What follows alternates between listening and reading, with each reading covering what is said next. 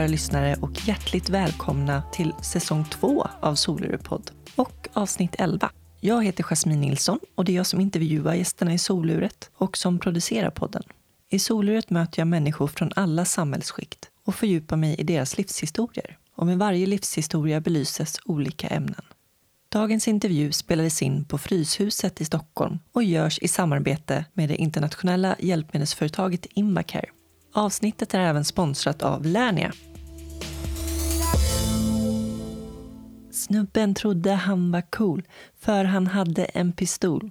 Okej, jag lät inte alls lika cool, men det är nog en textfras som de flesta har hört någon gång. Den tillhör nämligen mina tonårsidoler, The Latin Kings, och kommer från deras debutalbum Välkommen till förorten, som kom ut 1994. Man kunde liksom ta till sig texterna på ett helt annat sätt när de rappade på svenska. Så på så sätt så var verkligen The Latin Kings banbrytande och pionjärer inom svensk rapmusik. Och jag har fått äran att träffa frontfiguren, Dogge Doggelito. Han växte upp i Stockholmsförorten Botkyrka och kom sen att bli en av Sveriges mest folkkära rappare. Dogge är numera samhällsengagerad och brinner för att hjälpa ungdomar i förorten med att fullfölja sina drömmar. Här kommer Dogge. Hur låter du? Ett, två, tre. Ett, två låter jag bra, jag kör bra. Du har bra röst. Yes. Kör lite högt. Jag är mannen med rösten. Eller hur? Föddes med rösten. Det är det som alla kommer ihåg mig. Jag kan stå på en ICA-kö och prata i telefon och så lägger jag på. Och så kanske står någon så här äldre dam framför mig, du vet. 70 år och bara vänder sig om och bara Jag tyckte jag kände igen rösten. Så det är rösten de känner igen. Oftast den är synonym med mycket radio, reklam och musik och sång och sånt. Ja, precis. Så att eh, jag har förstått att rösten som jag har fått speciellt alltså. Jag har faktiskt gjort tre halsoperationer. Så jag är glad att jag har en röst kvar. Vad var det för operationer? Eh, det började med för många, många år sedan. Jag vet inte om det är 20 år sedan. Så fick jag en halsböld. Och sen har den kommit tillbaka tre gånger. Så det var så jättehemskt. Så de har fått gått in, tömt den och skärt bort den typ. När jag var yngre kunde jag sjunga ganska långt på ett piano. Så tur är att jag har hållit på med rap. Där man inte behöver ha så mycket röst. Vad var det för knöl? Då? Var det bara så här fettknöl? Eller? Det vet man inte vad det är för något. Det är det som är lite läskigt. Man får så här Okej. jättehög feber och blir jättesjuk och så Aha. växer den och så kan man knappt andas. Och så bara måste man åka in och så bara drar de in två sprutor och bara drar ut allt var i den och sen skär de bort den typ. Gud vad dramatiskt. Allt är dramatiskt i mitt liv. Är det så? Det är någon sån här följande omen på mig. Liksom, att det aldrig kan vara lugn och ro. Men det kanske är sångarens kast. Att det måste hända saker hela tiden för att liksom få inspiration till sångerna och låtarna och texterna och kunna leva sig in i sin roll som sångare. Det hör ihop på något sätt. Vad fick du för inspiration? Att eh, ta vara på den tiden man har. Alltså. Den är så kort. Och spela in och göra någonting bra till eftervärlden. Men du Dogge, nu sitter vi här. Välkommen till Soluret. Tack så mycket. Tack, till, tack soluret. Fast det var rätt mörkt här i soluret. Eller hur? Kojan i Fryshuset. Det är lite sån känsla. Det var rätt mysigt här alltså. Det påminner mig om när man byggde kojor när man var liten så med kuddar och filtar och grejer.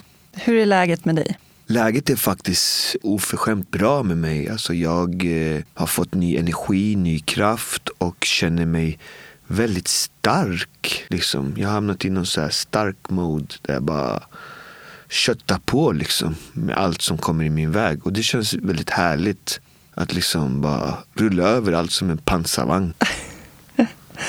Ja, men du verkar lite stressad också. Ja, jag är Mr Stress eftersom jag har så mycket att stå i och vill göra så mycket. Jag ser att livet är en kort resa och hinna med så mycket som möjligt på kort tid. Och eh, jag tackar ja till allt liksom och vill köra på nu.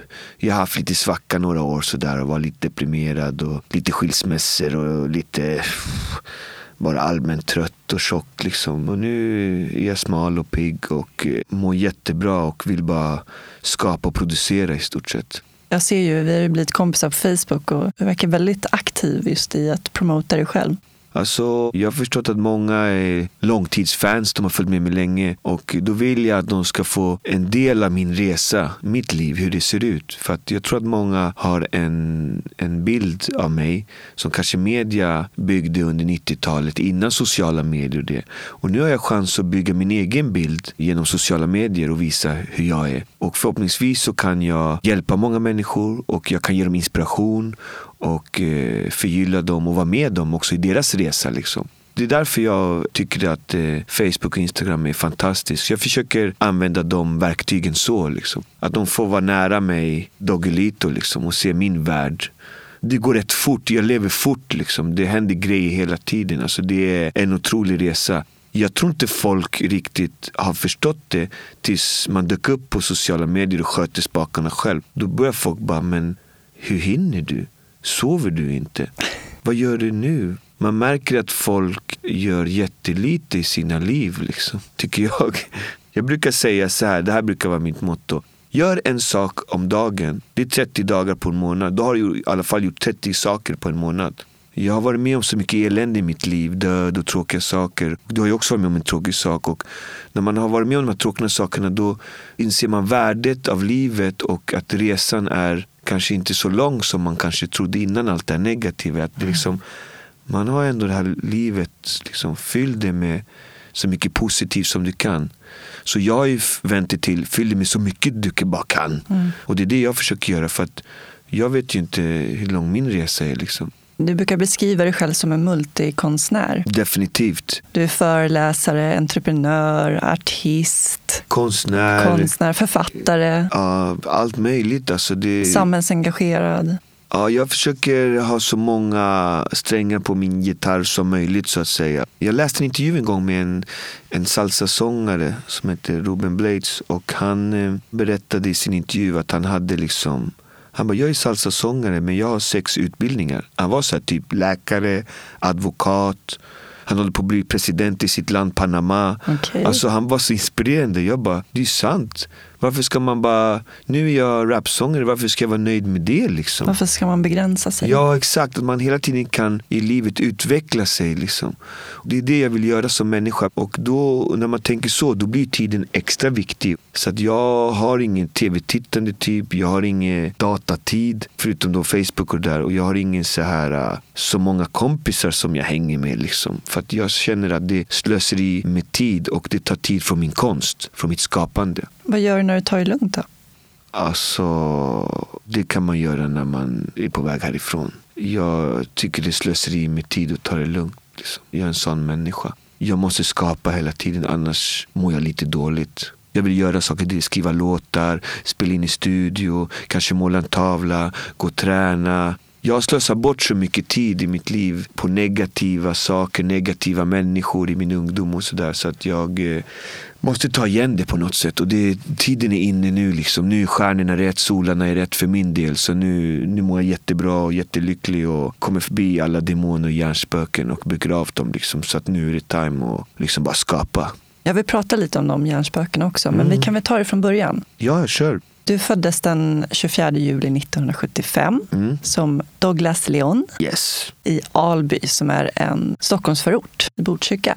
Hur var din eh, uppväxt? Hur var de första åren? Alltså min uppväxt var fantastisk. Jag kom från Alby norra Botkyrka och jag brukar säga att det är som att leva i Bibeln. För det finns så många olika karaktärer, så många olika religioner och traditioner. Som konstnär var det en guldgruva att växa upp i. För man växte upp med alla språk, alla kulturer, alla typer av människor. Och det gav en ett öppet sinne. Så min barndom var fantastisk. Jag hade jättebra, vi hade jättekul. Och jag känner inte igen den här utskällda delen som man hör om förorten idag. Alltså för min del var förorten ett paradis att få växa upp och få lära sig allt det här. Alla språken och alla kulturer och alla religioner. Mitt sinne är väldigt, väldigt öppet. Så att jag har inte de här fördomarna om det som man hör många har. Människor kanske har olika tankar, kanske har olika hudfärg, olika religioner, men vi alla är människor. Och det har inte att göra med om du är dålig eller bra människa, vad du har för religion eller hudfärg. Om du är en dålig person, då är du en dålig person. Och det har jag lärt mig från förorten. Och så det, det är en styrka. liksom. Jag behöver inte gå och läsa sociologi på universitetet. Jag har fått all religionskunskap och allt vad det heter gratis. Liksom. Jo, men det är ju med erfarenheter och miljöer som man har vuxit upp i. Det är ju det som formar en till den man är. Ja, exakt. Alltså, det är det som har byggt mig och vara Dogge med svenska folket. Liksom. Att kunna vara väldigt öppen och dela med sig. Framförallt dela med sig av mitt hjärta till allmänheten. Här är jag, jag funkar så här. Jag tror att mer människor och artister skulle göra så, så skulle världen se lite bättre ut. Din mamma är svensk yes. och din pappa är från Venezuela. Yes. Jag brukar säga att jag, min mamma är svenska och min pappa är karibenier. Så jag brukar säga att jag är halv viking, halv indian. Och jag är lika stolt över båda mina kulturer. Jag är lika stolt över Sverige som jag är över Venezuela och har alltid varit det. Jag har aldrig varit kluven inför det. Liksom. det. Båda är väldigt inspirerande på sitt sätt men också väldigt, väldigt olika. Jag brukar säga att jag är dubbel och jag är glad att vara dubbel. Det känns häftigt. Liksom. Men dina föräldrar separerade tidigt? De separerade jag 1981 när jag var fem eller sex år och eh, det var väldigt tungt för mig. Det var jobbigt och jag blev väldigt ledsen och det påverkade mig hela livet faktiskt. På vilket sätt? Nej, man älskar ju sin mamma och pappa och eh, man vill ju båda väl och man vill vara med båda. Och eh, det, det var tufft att skiljas. Liksom. Som barn vill man ju ha båda nära. Liksom. Och, jag saknar väl min pappa under hela min ungdom. Även om han alltid var där och han var alltid snäll och schysst så blev det ändå en saknad. Liksom. Och det gjorde sig uttryck i att man blev busig och sådär. Men det var ändå så här någon sorg någonstans. Liksom, att mamma och pappa inte bor ihop längre. Mm. Det var synd alltså, tyvärr. Men ni hade det inte så bra ekonomiskt ställt? Nej, just det var ju bra ekonomiskt när båda föräldrarna höll ihop. Men sen när de skildes, då blev det ju tufft för mamma att eh, ta hand om ekonomin så att säga. Hon hade ju en ganska tuff lön. Jag vet inte om det var så här 2000 kronor eller något i månaden. Alltså, vi levde Oj. Verkligen på existensminimum. Och eh, det blev tufft ekonomiskt. Då hade man inte råd med någonting extra. Och framförallt inga saker eller någonting. Liksom. Det satte spår idag. Därför jag älskar saker idag. Liksom. Man fick se bilder hemifrån dig. Du verkar samla på massa prylar. Ja, jag är samlare. Mina barn brukar säga pappa du, vi kommer anmäla dig till det här programmet där de kommer och städar och slänger ut grejer. Ja. Jag har alltid två av allting. Och det, det är en sjukdom för min barndom för jag hade aldrig någonting när jag var liten så att säga. Liksom till exempel om jag går till affär då kanske jag bara två av varje. För att om den ena går sönder, då har jag en till. Det är säkert, ja, så konstig grej. Och det försöker jag bearbeta nu med livscoach och så här, vad det är. Ah, liksom. Okay. Men eh, förmodligen så kommer det från eh, trasig och fattig barndom och ungdom. Liksom. Men det är inget negativt. Alltså, det är bra. Jag har ju allt i mitt liv. Mm. Jag och mina barn har allt. Liksom, för att den sjukdomen har gjort det så. Liksom. Jag har inte en trumma, jag har fyra trummor. Liksom. Men eh, när du var liten då ledde det till att du stal grejer? Ja, det blev mycket sådär. Det var, ju, det var ju många som var i samma situation på min gård i Alby. Att eh, en del kanske hade föräldrar som var missbrukare eller andra som levde på socialen. Så det var ju många som hade samma ekonomiska elände. Och då blev det ju att någon bara, vem ska med och sno? Och bara, jag ska med. Och så följde man med och så åkte man på snorraider om man säger. Liksom. Och för det mesta åkte vi alltid fast. Liksom det är med sorg man berättar det men samtidigt tycker jag det är viktigt att det kommer fram för att jag hör fortfarande folk idag som säger så här, det finns ingen fattigdom i Sverige liksom. Det är så stor lögn liksom för att då vet de inte att det finns barn som växer upp med föräldrar som kanske har jättestarkt missbruk eller, eller annat problem liksom eller ekonomiska problem och blir barnen som far illa liksom. Jag vet själv när man hade bara vissa kläder för att man inte hade råd att kanske köpa en fin vinterjacka som värmde, att man fick ärva brorsans eller något. Jag vet själv att det var tufft liksom. Och då, jag känner igen det där och därför vill jag uppmärksamma det också så mycket som möjligt. Och jag som kanske har ett namn, jag kanske inte är jätte, jättekänd men de flesta känner mig. Att jag kan dela med mig av mina erfarenheter, hur det var för mig. Men jag vet att det finns folk som hade värre än mig. För att jag växte upp med sådana människor och såg det. Liksom. Och de gav ju mig tröst. För jag tänkte alltid när jag var liten, okej okay, jag har det tufft. Men de här har faktiskt tuffare. Så jag får vara glad ändå. Liksom. Mm. Och min mamma var ju snäll. Hon var ju bara fattig. Hon hade ju ingen missbruk eller någonting. Hon hade ju alltid kärlek och sådär. Vi var fattiga liksom. Och det, det var tufft liksom. Man glömmer aldrig bort det. Och det har ju resulterat i att jag eh, köper inte en Nelson Mandela-tavla. Jag köper två Nelson Mandela-tavlor om jag ser någon som jag tycker om. Men jag känner igen mig där för att mm. när, när jag var liten, jag började på ballett. Och jag växte upp med en ensamstående mamma. Ja, det blir så tufft. Att, eh, alltså. Som barn vill man ju ha som alla andra. Liksom. Det är förståeligt. Liksom. Där kommer några med fina grejer i skolan och så ser man det och så har man inte råd och då vill man ha samma. Jag gick inte ens och frågade min mamma för man visste ju att hon kommer ju aldrig ha råd. Klart hon vill ge mig det men vi har inte råd. Vi ju knappt till mat. Ska vara råd att köpa det där? Det är omöjligt. Och då blev det att man hängde på de här som höll på att stjäla och det och då hamnar man där själv. Och det var ju jättenegativt för då kom man ju in i det här kriminella tänkandet och allting som, som var egentligen pff, katastrof för sådana som mig som egentligen har en jättebra begåvning det var, det var verkligen speciellt att växa upp så. Det blir som ett beroende också. När man väl har börjat det är det svårt att sluta. Ja, det, jag kommer ihåg när jag var liten och de vet, det var ju många som var fattiga på vårt område. Och de kom ju till skolan med feta klockor, feta Nike-overaller, feta skor. Man såg ju dem. Liksom. De var oftast äldre och de kanske hängde i centrum och de blev ju ens idoler. Liksom. När jag blev stor ville jag vara som dem. Och bara där nu när jag tänker som vuxen att shit vilken dålig förebild. Liksom. Alltså jag ska ju inte ha en sån här förebild. Jag ska ju ha Zlatan som förebild, någon annan som förebild. Men sen när man läser om Zlatan så har han också snott cyklar. Mm. Så att liksom, då blir det också så här, okej, okay, shit, jag, var, jag är inte ensam om det här. Liksom. Det var flera, även stora stjärnor har varit i samma situation. Då som vuxen kan man förstå det, men när man är mitt i det där sorgliga, då kanske man inte förstår det. Liksom. Mm. Så att det var tur att jag hade Muhammad Ali som idol sen, liksom, som boxades. Och då, ja, det var en passion när du ja, var liten. Ja, då hittade jag det. Liksom. Och det har jag hållit på med även nu som äldre, att få utlopp för min kreativitet och min energi på något sätt. Liksom. Så att jag kan vara lugn och harmonisk och inte kasta min positiva energi på något negativt. Men du har sjungit sedan jag föddes, kan ja, man säga.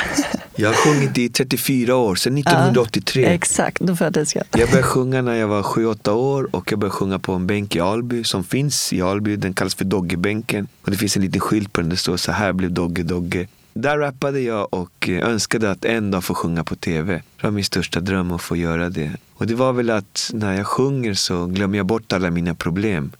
Liksom för ett litet tag. Och alla människor som lyssnar på mig, de glömmer också bort sina problem för ett litet tag. Så att jag tror att jag fick den gåvan av Gud. Jag tror på Gud och eh, jag tror att Gud gav mig den gåvan att sjunga för att just läka mig själv. Men kanske få andra för ett litet tag glömma bort sina problem också. Det är 34 år nu. 11 album, 2 Grammys och invald i Swedish Music Hall of Fame som 38-åring. Så att eh, jag får vara glad med det registret och den resan jag fått. Jag har fått sjunga i hela Sverige, hela världen och fått träffa alla världens fantastiska musiker och kulturarbetare och människor. Och det har varit häftigt faktiskt. Jag är jätteglad och jättestolt. Liksom. Även om det har varit tufft mycket så känner jag idag att jag valde rätt. Jag gjorde det rätta och valde att vara kulturarbetare good. Jag följde mitt hjärta, det som brann i mitt hjärta. Det var det jag följde. Du var ju bara 14 år när du gick med i The Latin Kings. Mm. Det är ju väldigt ung ålder. Ja. Och ni slog ju igenom ganska snabbt därefter. Ja, jag hade ju bestämt mig att sjunga redan 10 år säkert innan det, eller om jag var 14. Hur fann du musiken? Jag föddes med ådran. Min mormor gick på Konstfack. Min storbror gick på Konstfack. Min morfar gick på Chalmers och spelade i Paramount-orkestern och kunde spela 6-7 instrument på gehör. Så att eh, jag föddes med den här kulturella ådran. Den fanns hela mitt liv. Alltså sen dagis sjöng jag i, med i körer och sen skolan, alla körer, alla skolavslutningar. Jag uppträdde alltid. Du berättade om det i ditt eh, sommarprat här mm. från i somras som var ja. jättebra tycker jag. Tack så mycket. Men då berättade du om första gången du skulle rappa inför klassen på ja. roliga timmen. Men att du blev utskattad då. Mm. Det var ju för att jag hade någon låt som hette Fuck you eller något sånt där. Och eh, då blev man ju utskattad. Liksom. Det var ju något som ingen hade hört förut eller visste vad det var jag höll på med. Det var ingen bra upplevelse. Men den upplevelsen gjorde att jag började skriva lite själv och sådär. Blev lite mer självgående så att säga. Även en negativ upplevelse kan man vända till något positivt. Och det lärde jag mig där. Att förlita sig mer på sig själv än förlita sig på andra. Men det var ju starkt. Det var ju en styrka du hade inom dig också. Ja, jag, jag har alltid gillat att skriva låtar och så. Jag kommer ihåg när jag var liten så skrev jag alltid låtar till min mamma och min syster. Och innan de skulle gå så så gick jag och sjöng dem för dem. Så fick de säga om det var bra eller inte. Så här. Och eh, jag minns ändå min första låt jag skrev. Den hette så här, Blå himmel eller något. Så himmelblå. Det var min första låt liksom. Och då var det inte ens rap. Då var det så här. Himlen är blå, lalala. Så sjöng jag om himlen typ. Så här. Har du alltid haft lätt för att skriva också och uttrycka? Ja, alltid väldigt lätt. Det går väldigt snabbt. Folk blir chockade när man väl sätter in när jag ska göra en låt. Men du har ju ingen text ju. Jag bara, nej men jag skriver här. Och så bara skriver jag på en gång. Och bara shit alltså. Och det är positivt. Men många gånger väcker det också väldigt mycket avundsjuka och svartsjuka tyvärr. Snabba konstnärer, vi blir ofta missförstådda liksom. Men eh, med The Latin Kings, ni var med i Rap-SM 92 och då kom ni trea. Då kom vi trea. Och då var du bara 17 år. Ja, det var 17 år och eh, det var Rodde från Rinkeby som anmälde oss. Jag eh, skulle boxas egentligen då liksom. Sen sa Rodde att ah, var med i Rap-SM och så var vi med. Och så vann Roddes grupp Infrid Mass och på andra plats kom Swahili Nation med Charlie King. Och på tredje plats kom jag med Latin Kings. Och då blev det ju så här, shit alltså, vad kul det här är. Alltså, det här måste jag göra. Liksom. Så jag gick tillbaka till min tränare och bara, jag ska sluta boxas, jag ska börja rappa. Va? Ska du bara rappa? Är du inte klok Dogge? Du är värsta talangen. Du kan inte bara sluta boxas, du måste... Jag var nej men jag ska rappa liksom. Så på tillbaka vägen hem på tåget hade jag bestämt mig liksom. Och då blev det 100% rapliv. Samtidigt som det byggde mig så förstörde det mycket av konstnären Dogge också. Liksom. För att rap är väldigt trendkänsligt och väldigt speciell kultur om man säger. Jag höll väl på med det ordentligt i 15 år professionellt. Så det var en fantastisk resa. Liksom. Men hur var det? Du var ju så ung när ni slog igenom och det måste verkligen ha varit... Ja, alltså, det kan låta skrytsamt men jag visste från liten att jag kommer bli stjärna. Så när det hände kom det väldigt naturligt. Det var bara en kul resa och jag levde livet. Jag skulle önska alla ungdomar att de fick göra sin dröm när de fortfarande var unga. För man lär sig så mycket och man blir så vuxen liksom på något sätt. Och sen hörde jag att Picasso uttryckte sig. Han sa, det har tagit mig ett helt liv att få lära mig måla som ett barn. Vad vackert. Ja, det är så jättefint. fantastiskt vackert för att alla strävar efter att bli så vuxna och så stora och så speciella och ha så bra liv. Men de förstår inte att tiden som barn, det är det som är det viktigaste. Liksom. Han var ju så erkänd konstnär. Han kunde måla allt men måla som barn det var det svåraste. Och eh, jag gillade det uttrycket för det passade in på hela det som jag skulle göra. Liksom. Jag gjorde ju min dröm. Därför tror jag alla ungdomar skulle få göra det. För att det är så nyttigt tror jag. Liksom. Att våga satsa på det. I Sverige har ju råd ändå fortfarande att göra det. Liksom. Våga satsa på sin dröm. Det får förunnat. Jag är jätteglad. Och sen få vinna två Grammis på det liksom, när man är 19 eller vad vi var. Det är så här, wow, det funkade. Det gick vägen. Ja, hur kändes det när du vann en Grammis? Ja, men det kändes liksom som ett kvitto för att man hade valt rätt någonstans. Sen fick vi inga pengar. Jag var ju urfattig. Jag tror vi åkte hem med Grammis i en plastpåse och plankade hem på tunnelbanan. Det var fortfarande ekonomisk kaos och kris. Men det blev ändå ett kvitto för att man liksom valde rätt någonstans. Jag gjorde min dröm liksom. och det kommer jag att bära med mig hela mitt liv. Och det är ingen som kan ta ifrån mig det för att det hänger på en vägg någonstans i någon studio. Liksom. Att jag gjorde det liksom. 2003 då släppte ni The Latin Kings och Märta. Det Mm. var sista skivan som du spelade in med, med The Latin Kings. Hur var det att sluta och bryta upp från gruppen? Och...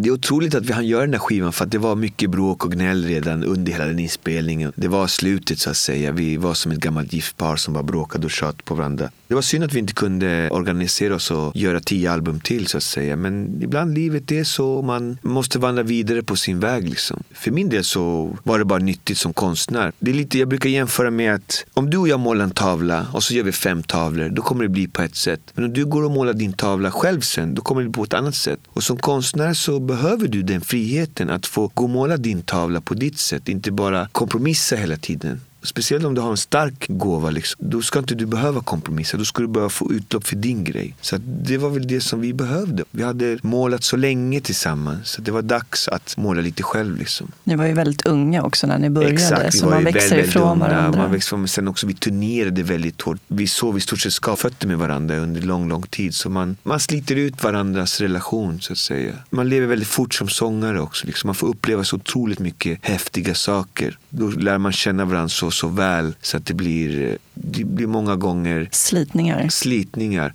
Konstnärer med egna egon liksom, som behöver vandra vidare på konstnärens väg så att säga. Nu tar vi en kort paus för jag ska ringa upp min samarbetspartner Invacare. Helena. Hej, det är Jasmin från Soluret. Hur är läget med dig? Hej Jasmin. Det är bara bra med mig.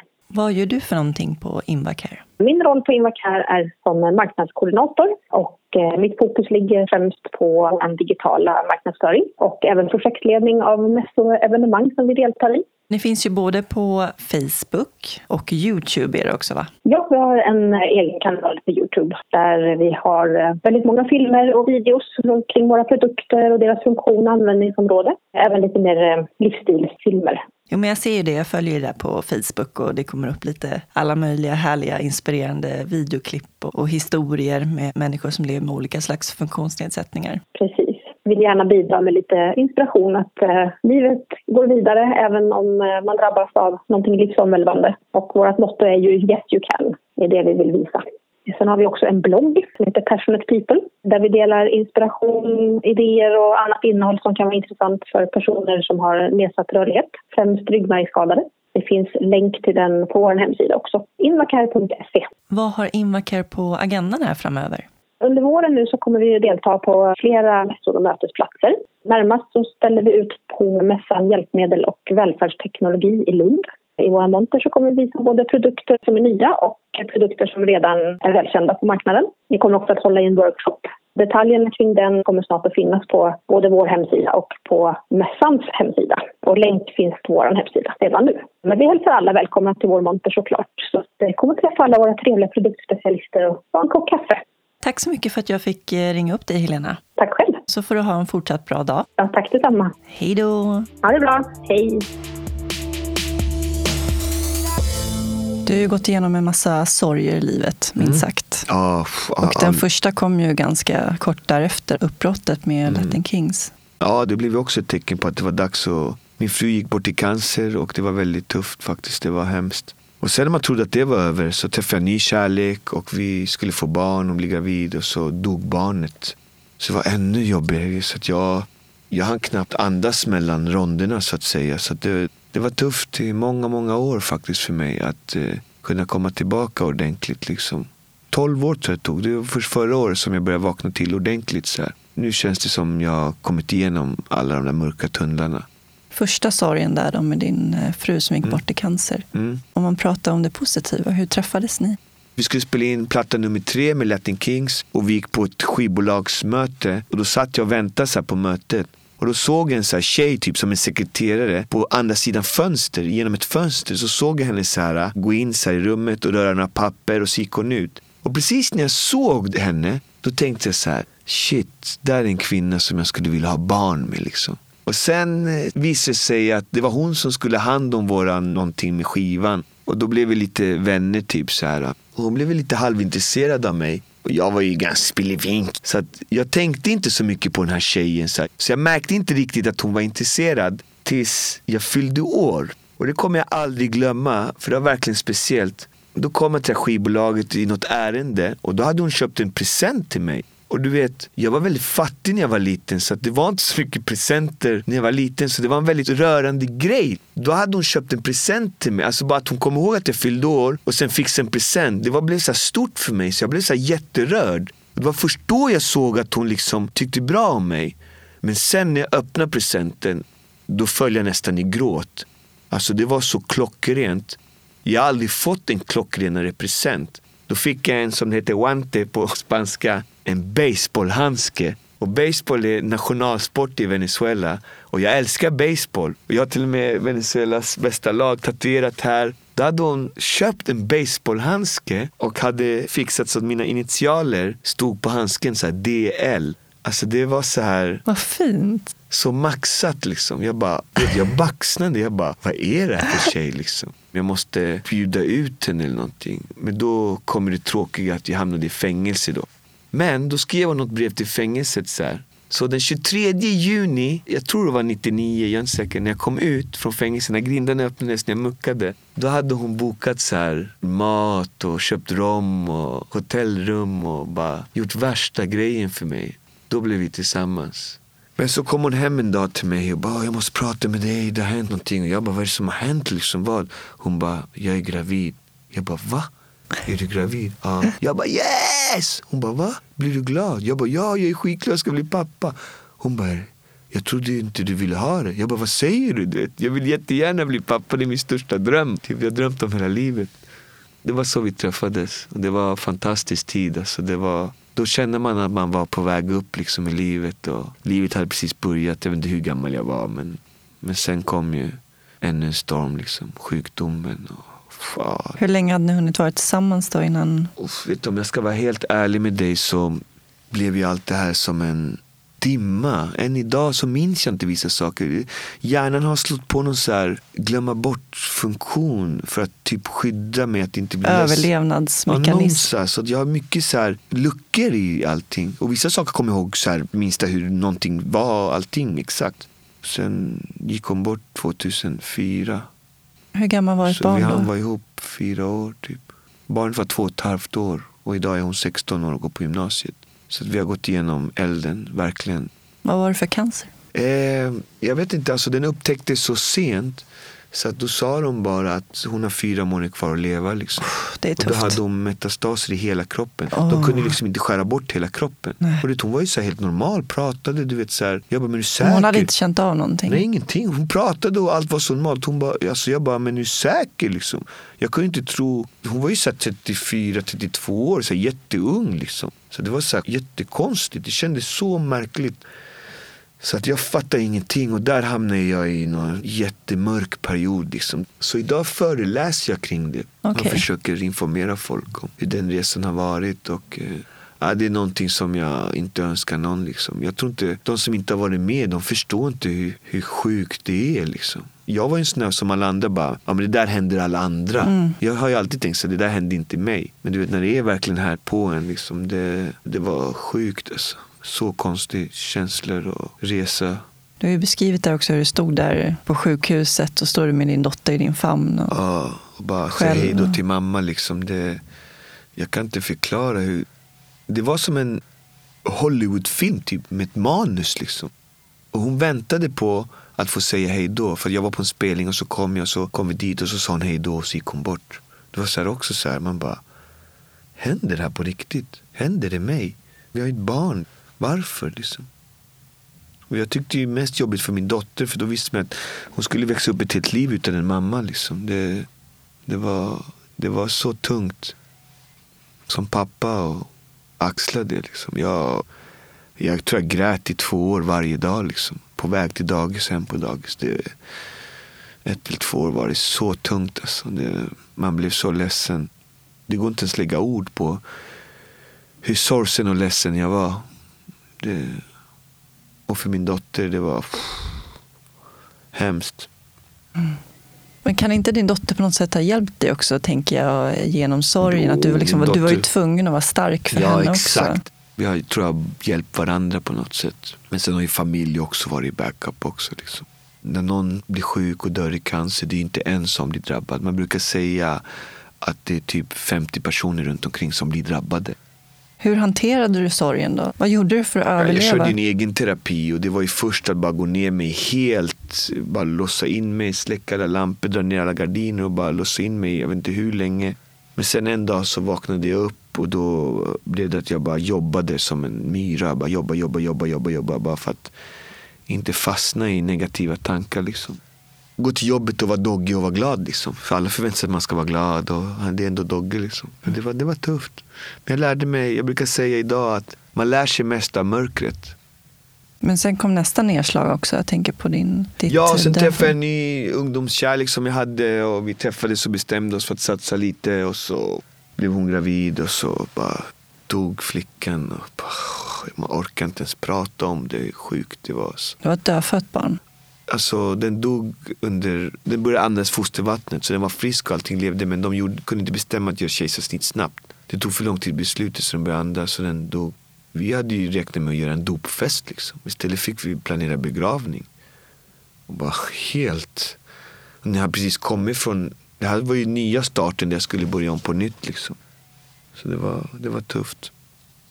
Fick du ett nytt barn med henne sen? Jag fick ett nytt barn med henne som idag är nio år. Men vi har gått skilda vägar tyvärr. Och det är med sorg i mitt hjärta att säga det. För att det, det är alltid tufft när man skiljs åt. Liksom. Det, det är ingen lätt sak. Men Och nu har du fyra barn. nu har jag fyra barn med tre olika kvinnor. Och eh, jag är glad att jag har mina barn. Att de finns där. Jag vet att en dag så kommer de att förstå mig och vem pappa var och vad jag gjorde och allting. Tidens tand och ödet har sin gång liksom. Du har ju gått igenom så enormt många sorger i livet. Jag tänker på din vän också som dog. Kille Roine, min bästa kompis som dog av droger. Tyvärr, han dog 1998. Det var, det var hemskt också. Det, när jag satt där på begravningen så kände jag bara, "Pff, varför liksom? Droger, vad gör det med människor? Jo, man dör liksom. Det är sant, här är beviset. Och det tänkte man inte på, för vi tog ju droger när vi var små som om det vore det bästa godis liksom. Men det dödar alltså. Det dödar. Och det, jag har sett det på nära håll. Hur tog du dig ifrån drogerna då? För min del så har jag aldrig varit någon drogkille. För att jag växte bara upp i ett område där droger var en accepterad sak. Liksom. på min gård så rökte alla i trappuppgångar eller på tak eller tog droger och festade med droger på en helg. Liksom. Det var inget konstigt. Det var först när man kom utanför var jag kom ifrån, från Botkyrka, som man förstod att liksom, aha, okej, okay. Droger är inte okej okay, kanske. Liksom. Då hade man ju hållit på i flera år. Men jag tog ju droger för att jag var ledsen tror jag. Liksom. Mm. Det var olika saker. Det var väl, när jag var riktigt ung då var det att jag saknade min pappa. Och sen när jag var äldre var det ju för att min fru dog i cancer och jag förlorade en dotter. Det var ju för att dämpa ångest tror jag. Ångestdämpande. Men det var ju bara tillfälliga tillflykter. Sen skulle jag väl bli så vuxen och förstå att det här är ingenting för mig. Och det, jag har aldrig varit beroende av det. Jag har haft så stark psyke. Så egentligen det var nog bara för att fly verkligheten på något sätt. Liksom. Men tack och lov så har jag så stark psyke så att jag, jag hamnar inte i någon träsk eller någonting. Liksom. Du har ju stark kristen tro. Mm, det ska jag säga, det är det som jag är mest beroende av. Jag tänkte fråga dig, har du någonsin tvivlat på din tro med tanke aldrig. på alla sorger? Aldrig, alltså, aldrig. Jag skulle aldrig. Sen jag var liten och sjöng i kyrkan när tron kom till mig i första klass när jag fylldes av hans kärlek i kyrkan första gången, jag har aldrig tvivlat. Inte en sekund. Alltså det... Inte ens varit arg på Gud? Jag tänker... Ja, man har ju stort varför har ju dykt upp uh. flera gånger. Men, varför? men med tiden så förstår man ju att det är inte Gud som gör de här grejerna alla gånger. Det finns ju någon som heter Lucifer, fallen ängel. Det är han som vilseleder och förstör på jorden. Liksom. Det är inte Gud. Och det är det onda och det goda som krigar hela tiden. Jag vill ju vara med det goda så gott jag kan men frestelsen ligger alltid på lur. Så försök ty till Gud. Det har jag försökt göra så gott jag kan. Men det är inte lätt. Han har stora krav och vill att vi öppnar våra hjärtan och är bara med honom och tror på honom tusen procent. Liksom. Det, det, är ingen lätt sak i en värld som är materiell och man ska ha och det är egoism och allt du vet. Men egoismen dödar och det, så är det tyvärr. Så det är svårt. Det är svårt att vara människa. Det är inte lätt. Nej, det är det verkligen det, det vet du ju själv. Liksom. Vissa saker kan man bara inte rå för. Liksom. Så jag tror att många negativa saker händer händer på livets väg för att djävulen lägger ut sina tecken som man tror är positiva. Men när man plockar upp dem, det är då det negativa händer. Så jag brukar säga, försök hitta de positiva tecknen på din väg. De finns där, plocka upp dem. Men akta dig, var försiktig. Lucifer ligger alltid på lur. Och desto närmare Gud du vandrar, desto mer försöker han komma åt din gunst. Eftersom jag alltid varit nära Gud så vill han åt mig så mycket som möjligt. Eftersom jag vill ju vara positiv och sprida positivitet. Då vill han komma åt mig mycket. Så jag måste vara försiktig. På vilket sätt? Dra ner mig och vilseleda mig. Liksom. Jag är negativ. Och det finns olika. Kriminalitet, droger, sjukdom, skada. Alltså mm. massa grejer. Liksom. Men det tog många, många år innan du kunde säga att du var lycklig igen. Ja, 12 år brukar jag säga. Det var först förra året jag kunde säga att jag är lycklig och stark igen. Och efter allt det här cancer och barnadöd och bästa kompis död och droger. Och, och hunden. Och hunden som jag älskade. 15 år hade jag min hund. Och alla som har haft en hund så länge vet vad jag pratar om. Man blir så ledsen. Alltså. Ja, alltså jag har förlorat en hund också. Det är ah, det var, det villkorslös tog kärlek. Ah, villkorslös liksom. kärlek. Det tog alltså, så lång tid att komma ur det. Liksom. Folk förstår inte det där. Nej. De bara, men det var ju bara en hund. Men det var inte bara en hund. Det var min bästa bästa vän. Liksom. Så det, var, ja, det var tufft. Alltså, än idag så vet jag inte hur sorgen hur jag klarade det. Liksom. Jag kan nästan inte andas när jag tänker på det. Nej, alltså, det är hemskt. Ja, det var hemskt. Det var, jag fattar. Jag, blir, jag, får nästan, jag får nästan tårar nu när du bara nämner det. Så det. Det var sjukt ledsamt. Mm, jag förstår precis. Men har du fått hjälp någonting med terapi? Eller? Nej, egentligen inte. Jag är en sån här person, old school brukar jag säga, som vi går inte på terapi, vi läker oss själva. Men jag har börjat träna jättemycket, så det är lite min terapi. Och sen försöker jag äta rätt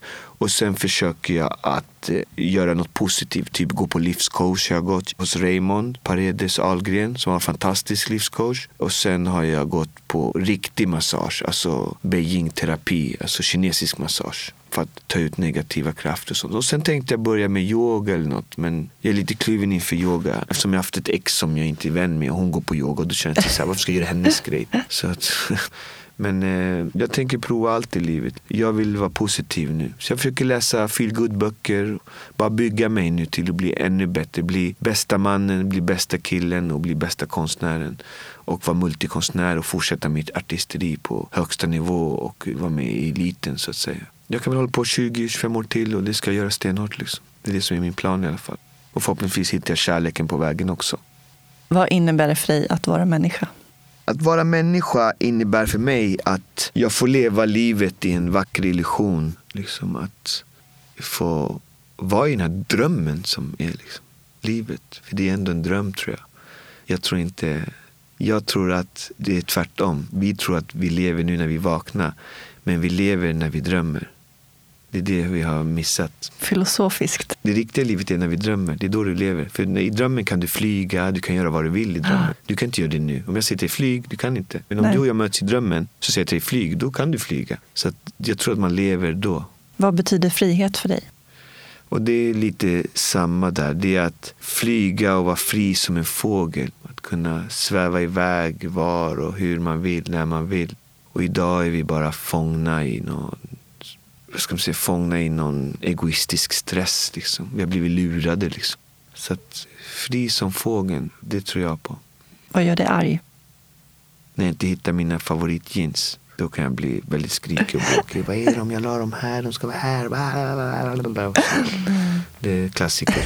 Vilken bagatell att bli arg över. Mm. Jag har kommit på att konstnärer de blir arga på liksom små saker. Men sen när det händer värsta stora grejen då, bara, då kan de bara inte ens bry sig. Typ. Så Är det så? Ja, så funkar jag i alla fall. Jag vet inte varför det är så, men det, det är någonting. Vad gör dig lycklig? Kärleken gör mig lycklig tror jag. Kärleken är starkaste kraften. Kärleken övervinner allt. Och eh, att få känna kärlek till någonting eller någon, eller få kärlek framför allt. Det är det som gör mig lycklig. Att få känna att man är älskad och få känna att någon tycker om en och någon bryr sig om en. Liksom. Att just nu när jag sitter här och pratar i den här mikrofonen så vet jag att det finns någon där ute som tänker på mig och någon som bryr sig om mig och någon som älskar mig. Det, det är så viktigt att få känna det. Liksom. Kärleken gör mig lycklig tror jag. Vem är den roligaste människan du känner? Min pappa är nog den roligaste människan, alltså på positivt sätt. Han är sjukt rolig. Alltså. Hans skämt är så roliga. Ibland kan han skoja och så garvar man lite lätt åt. Så, ah, vad roligt. Och sen drar man iväg och så tänker man på verkligen så. Då har man kommit på att det var tre, fyra poäng till som man missade. Så man garvar ännu mer så här, efteråt. Han är en riktig så här, komiker typ. Han är så sjukt rolig. Alltså. Gillar att göra folk glada och sådär. Eh, det kommer jag ha mitt starkaste minne. För han är verkligen rolig. Och eh, humor liksom. Det är så viktigt i livet. Han är nog den roligaste jag känner. Alltså, jag har aldrig träffat någon roligare människa. Okej, nu kommer vi till den stora frågan som vi har pratat väldigt mycket om redan. Vad du drömmer om. Jag drömmer om allt det vi pratade om faktiskt. Och jag drömmer om kärlek, jag drömmer om frihet, jag drömmer om lycka och jag drömmer om glädje. Det är saker som jag alltid har haft på något sätt. Men det har alltid funnits törnar och taggar och trubbel kring dem. Liksom, känns det som. För min del. Och nu känner jag att nu vill jag vara positiv. Och nu vill jag verkligen känna riktig kärlek, riktig frihet, riktig lycka, riktig glädje. Det är dit jag strävar nu. Och nu är jag redo för det. Att mottaga det och omfamna det på bästa sätt. För jag har längtat efter det. Det är det som jag vill. Det är det jag drömmer om. Vad är det bästa med att vara pappa förresten? Det är att man får leva om på nytt. Liksom. Man får göra allt man själv inte kunde göra när man var liten. Liksom. Nu får man revansch igen. Jag har varit pappa och fyrabarnspappa och det är härligt. Jag gillar det. Jag gillar barn och jag gillar deras oskyldiga kreativitet. De är så härliga liksom. Skapa och komma på grejer. Det är coolt. Jag har några snabba frågor också som är lite lättare. Kör. Kaffe eller te? Kaffe. Du har eget eh, kaffemärke. Ja, jag har Doggis, Caffelito. Doggis Caffelito. Eftersom jag var trött på alla blandbönor och konstiga länder kaffe. Så jag körde riktig 100% colombiansk kaffe. Ja, jag får testa ska, det för jag älskar kaffe. Ja, det ska vara riktig kaffe. Ja, coolt. Bok eller film? Boken är alltid bättre än filmen. Kött eller grönsaker? Jag gillar ju inte det här som håller på att hända med djuren. Att de har blivit slaktade och de far illa. Och, så jag försöker äta mer grönt och mindre kött. För jag vill inte sponsra djurhållningen och djurindustrin hur det ser ut. Det är så hemskt. Liksom. Så jag hoppas att man kan sponsra det mindre genom att äta mer grönsaker och sånt. Men det är svårt även för mig. För jag har ingen koll riktigt hur man blir vegetarian. Det är tufft liksom.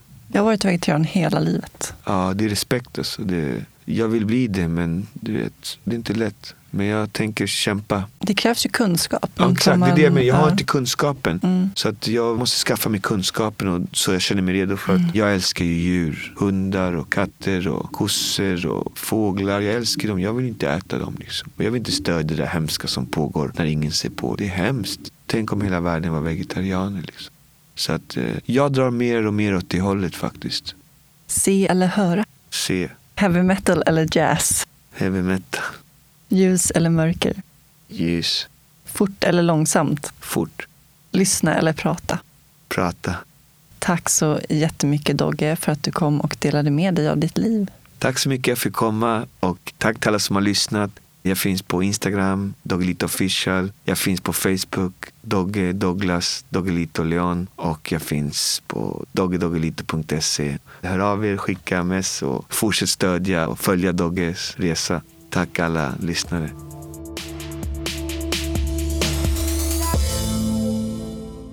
Vilken härlig och underbar människa Dogge är.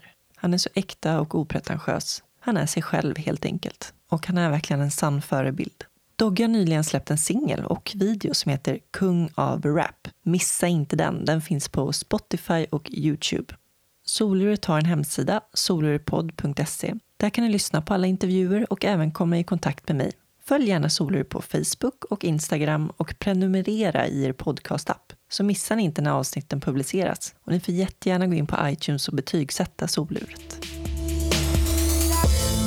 Avsnittet är också sponsrat av Lernia. Känner du att du vill ta ett nytt steg i livet men inte vet riktigt vart? Lernia utvecklar och matchar din kompetens med arbetsgivarens behov och stöttar dig på vägen till ditt drömjobb. Det utbildar 45 000 människor varje år till yrkeslivet och 9 av 10 som har gått i deras yrkeshögskola hittar jobb. Hos Lernia är alla välkomna, oavsett bakgrund, och det hjälper dig utifrån dina möjligheter. De har nära kontakter med näringslivet på din ort och deras bemanningskonsulter är bland de nöjdaste i Sverige. Välkommen till Lernia. Tillsammans med dem formar det din framtid. I nästa avsnitt får ni möta Caroline Solskär. När Caroline var 14 år började hon jobba som kock på sjön och gjorde det i nio år. Hon har korsat Atlanten nio gånger, bott i en mayaby och har överlevt ett stort antal stormar.